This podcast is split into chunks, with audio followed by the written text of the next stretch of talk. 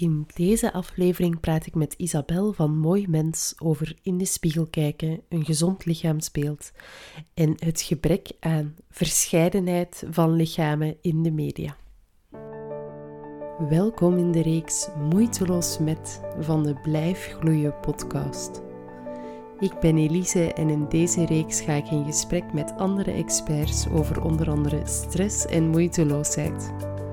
We bekijken hoe moeiteloosheid dan wel stress en impact kunnen hebben op ons leven en we gaan op zoek naar manieren waarop jij meer tijd, rust en energie kan vinden. Vandaag ga ik in gesprek met Isabel van Mooi Mens.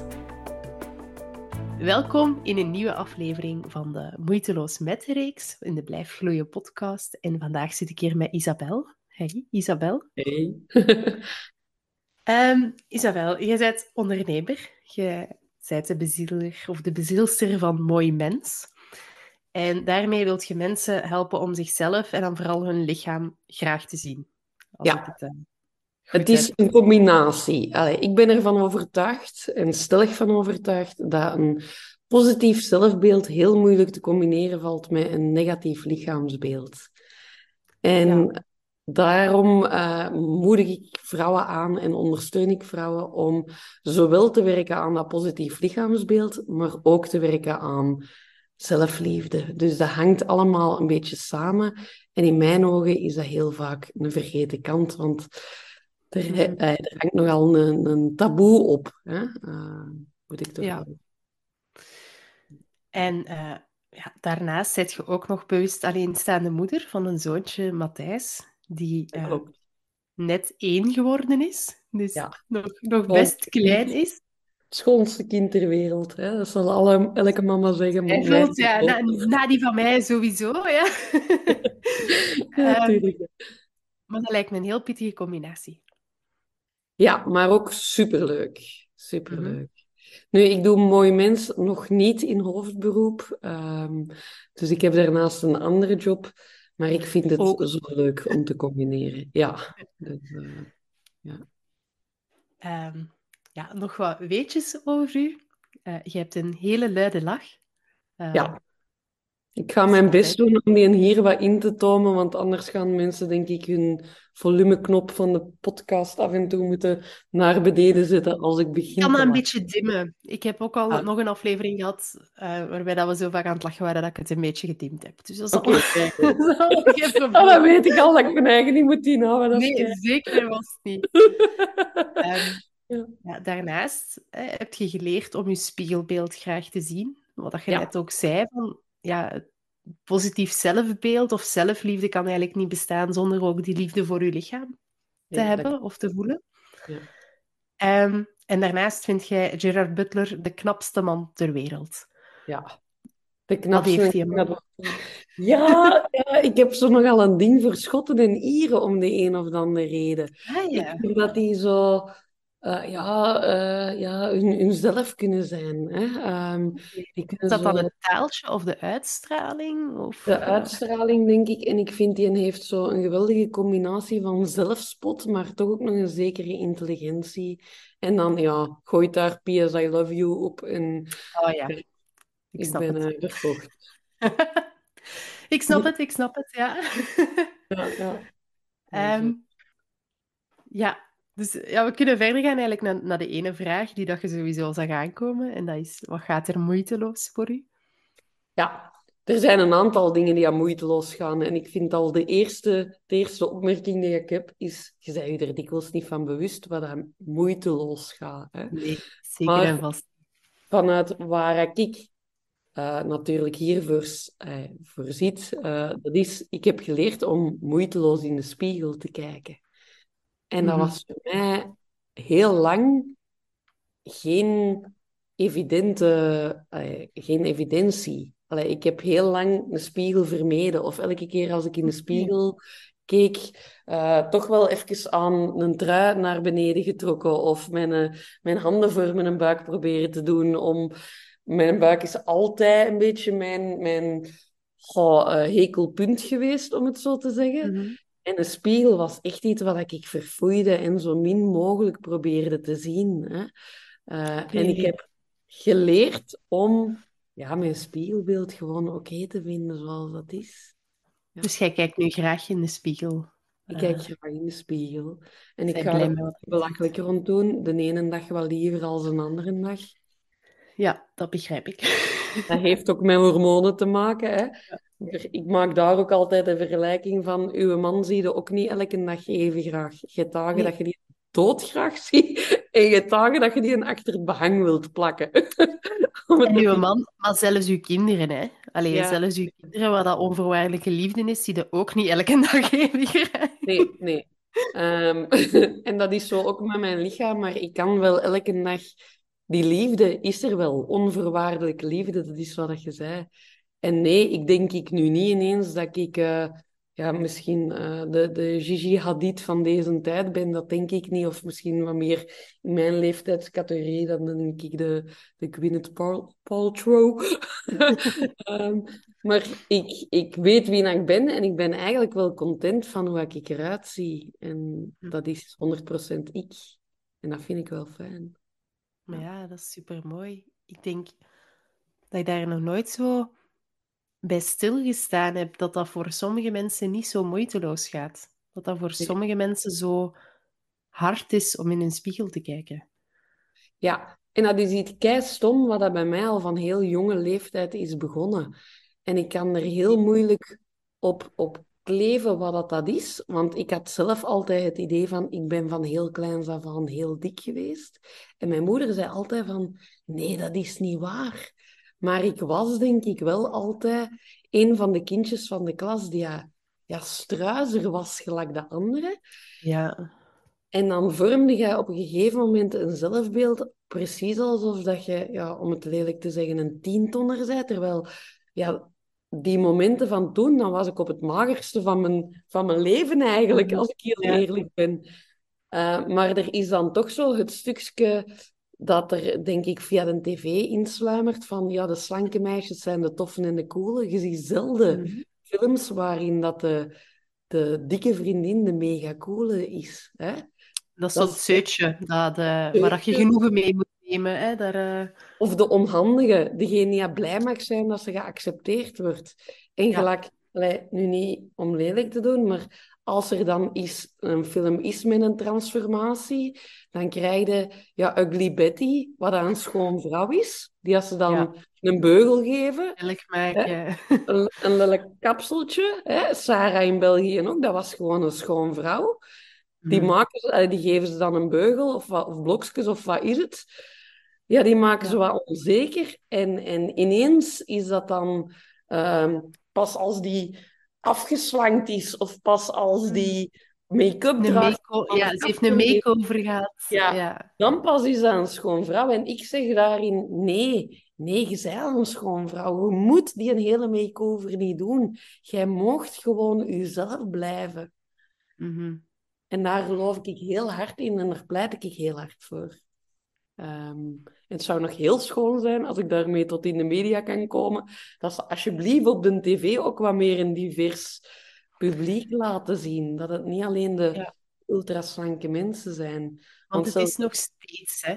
Allee, ik denk de voorbeelden die dat je gaf, die zijn al van even geleden. eh, van, zeker meer dan tien jaar geleden, maar het is nog Ja, ja. wel... Dat is nog Standaard. actueel. Dat is nog standaard. En als een kind iets te veel weegt, dan komt daar een hyperfocus op die voeding te liggen. Mhm. Eh, en ik ben nu heel veel aan het bijlezen, want ja, ik, het intrigeert me gewoon. Hè. Ik ben nu heel Mhm. veel aan het bijlezen. En allee, eh, wat krijgen wij allemaal mee, meegenomen? Allee, als we, als we wat jonger zijn en je gaat een kind en gezin, dan is het, ah ja, zijn gewicht is zo. Allee, ik merk dat nu al. Ja, waar op de curve zitten ze? Alleen mijn zoontje van een jaar, daar klappen ze al over. Ah, dat is toch een stevig brokje, want dat is inderdaad een ventje Mm. met... Hè? En die heeft toch dikke billetjes? En dan denk ik, ja, ja, maar goh, dat is een babytje. Hè? En ik denk dat Maar is dat daar ook niet de connotatie die dat je eraan hangt? Ja, ja, Want ja. uiteindelijk, Ik dat soms ook bij, bij, bij, mijn kinderen. Mijn dochter is er wat uitgegroeid, maar mijn, mijn zoontje heeft ook nog wel zo die stevige babybilletjes. Maar bij mij is dat, ah ja, je hebt gewoon dikke billetjes. Maar dat is zo... bij een babytje vinden we dat oké, maar een tienjarig kindje waar het tegen wordt gezegd... Bij u hangt het babyvet er ook nog aan, hè? Ja, ja. Daar dat komt is ook de toon, binnen. Hè? Ja, ja, zeker. Dus ook de, de dondertoon, denk ik. Zo, of de de betekenis die dat mensen aan dik hebben gehangen. Want op zich, dik is... Ja, je hebt dik en dun. En het een is ja. slechter dan het ander. En je hebt nog 120 gradaties tussen dik en dun. Maar het, het is zo een beetje synoniem geworden van dun is goed en gezond en mooi. En dik is ongezond en slecht en lelijk. En nu heb ik het over dik en dun, maar je hebt er ook over hoeveel vrouwen gaan er... Kom naar uh, bodystyling, want je hebt cellulite. Ja, meer dan 80% van de vrouwen hebben cellulite. Dat is een vorm van vetopslag. Dat heeft helemaal niks te maken met kom naar bodystyling. Dat is mm. gewoon puur vrouw. Hè? De mm. slankste vrouwen hebben, ja, hebben dikwijls ook nog cellulite. Maar ze gebruiken goede hoeken. Ze gebruiken, ja. als ze, als ze, foto's gebruiken. En als ze natuurlijk in de story of in een dag allemaal komen staan, dan gebruiken ze de slechte ook. Hè? Want dan moet het interessant zijn. Hè? Ja, ja. Een kop over van, onder van uh, die Jessica Simpson een, een, paar jaar geleden. Jessica Simpson is de weg helemaal kwijt. Dan denk ik, nee, die is wat meer een eten. Allee. Het is gewoon niet gefotoshopt of zo. oh ja, en dat mensen is misschien gewoon aan het genieten van haar leven. Allee, ja. Of die is in mm. een overgang, of wat maakt het uit? Hè? Mm Er hangt zo heel veel... En het is bij mannen ook wel, maar het is bij vrouwen veel duidelijker aanwezig. Hè? Dat je beoordeeld wordt op je uiterlijk. Ik ga winkelen en een tijdje geleden, en dat was een mooi voorbeeld. Ah, mijn moeder gaat het niet fijn vinden als ik deze vertel, maar ik was met mijn moeder gaan winkelen. En um, ik stond, ik kwam buiten naar dat pashoksje en ik heb zoiets als ik kleren ga kopen. Ik weiger om kleren te kopen die aan mij flatteren. Ik koop kleren omdat ik mij daar goed in voel. hè? Mhm, mhm. En ze mogen mij flatteren. Ik ga natuurlijk niks kopen waar ik er te veel dikker in zie. Maar ik geen patattenzak. Is het een, is, het een leuk, uh, is het een leuke kleur? Hoe voel ik mij als ik naar buiten mhm. stap? Voel ik mij op en top vrouw? Heb ik zoiets, oh, als ik nu over uh, de meer loop, dan gaan de mannen... Right, ja. Of voel ik mij toch wel eerder van, ah ja, nee, ik ga wat op de achtergrond verdwijnen. Hè? En misschien met een kussen voor mijn buik in de zetel zitten. Hè? Mm. Daar beoordeel... Hoe voelt dat stofje aan mijn lijf? Hè? Daar, mm. daar beoordeel ik op. En dat was een kleedje en dat flatteerde enorm, maar je zag een beetje dat mijn onderbroek afgetekend was. En die een verkoper die zei, en die mensen die bedoelden dat echt niet verkeerd, van ah, supermooi, maar zo en net qua maatje eh, op het randje, misschien moet je corrigerend ondergoed eronder aan doen. En ik had zoiets van, ik draag dat niet, corrigerend Daar geen zin in, nee. Ik draag dat niet. En die man die had zoiets, alleen maar ja, hè, dan ga je je buikje wat minder zien.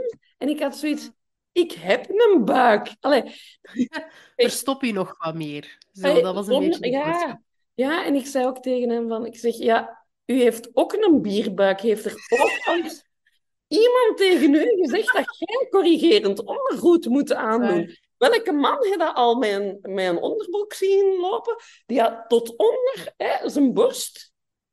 Tot onder zijn borst kwam geen ene, hè? Nee.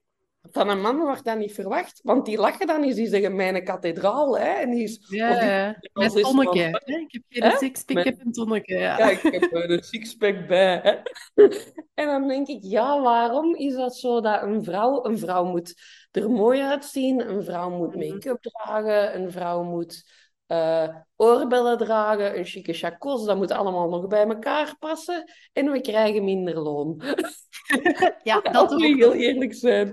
En ook al aan het denken van, allez, als dan corrigerend ondergoed uw eerste gedachte is. Mijn eerste gedachte zou zijn, ah, mijn onderbroek tekent af, misschien moeten er geen aan doen. Allee, ja. Dat... Ah, ja, ja, ja, maar dat is zo. Dat zou een logischer gevolg zijn van, ah ja, verstopt u nog wat meer? Van, ah ja, ja, uw andere kleren passen gewoon niet. om heel eerlijk te zijn, die een verkoper heeft daar fenomenaal mooi op gereageerd. Want die had wel zoiets van, daar heb ik nu nog nooit zo bij stilgestaan.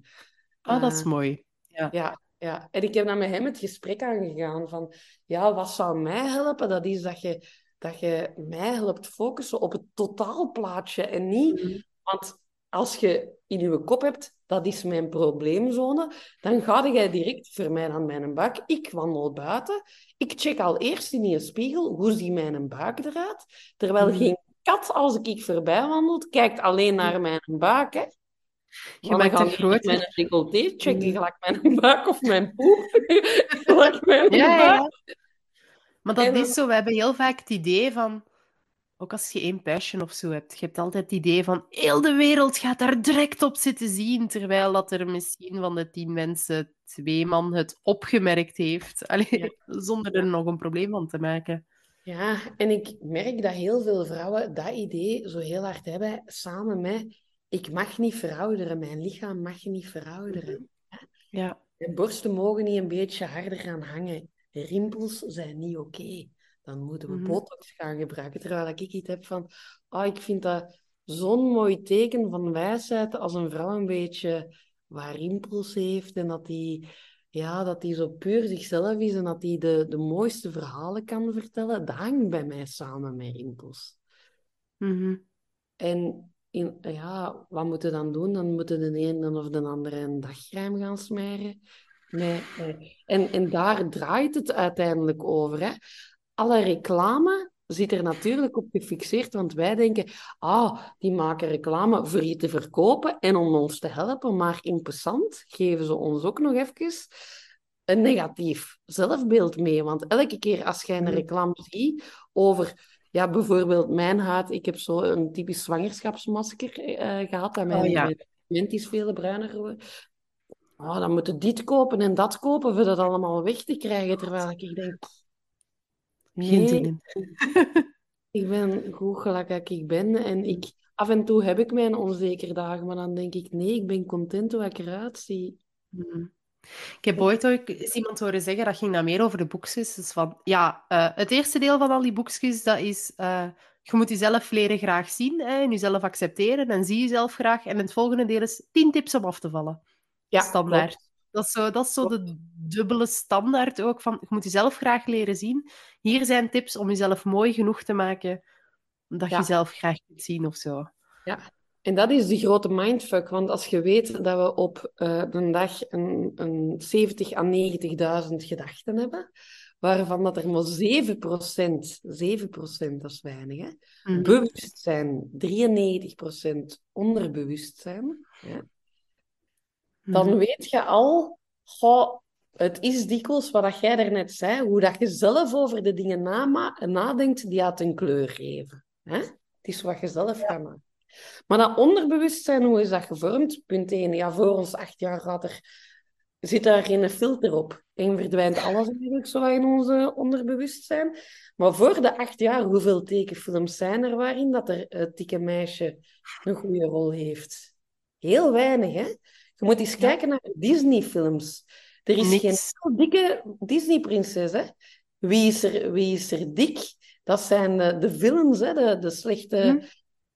Ursula, standaard. Ja, ja, ja. Maar dat zijn, allee, dat zijn allemaal de, de gemene heksen, hè, die, ja- die, ja- Mm. waar je schrik van moet hebben, of de kleine dikke En- trollen.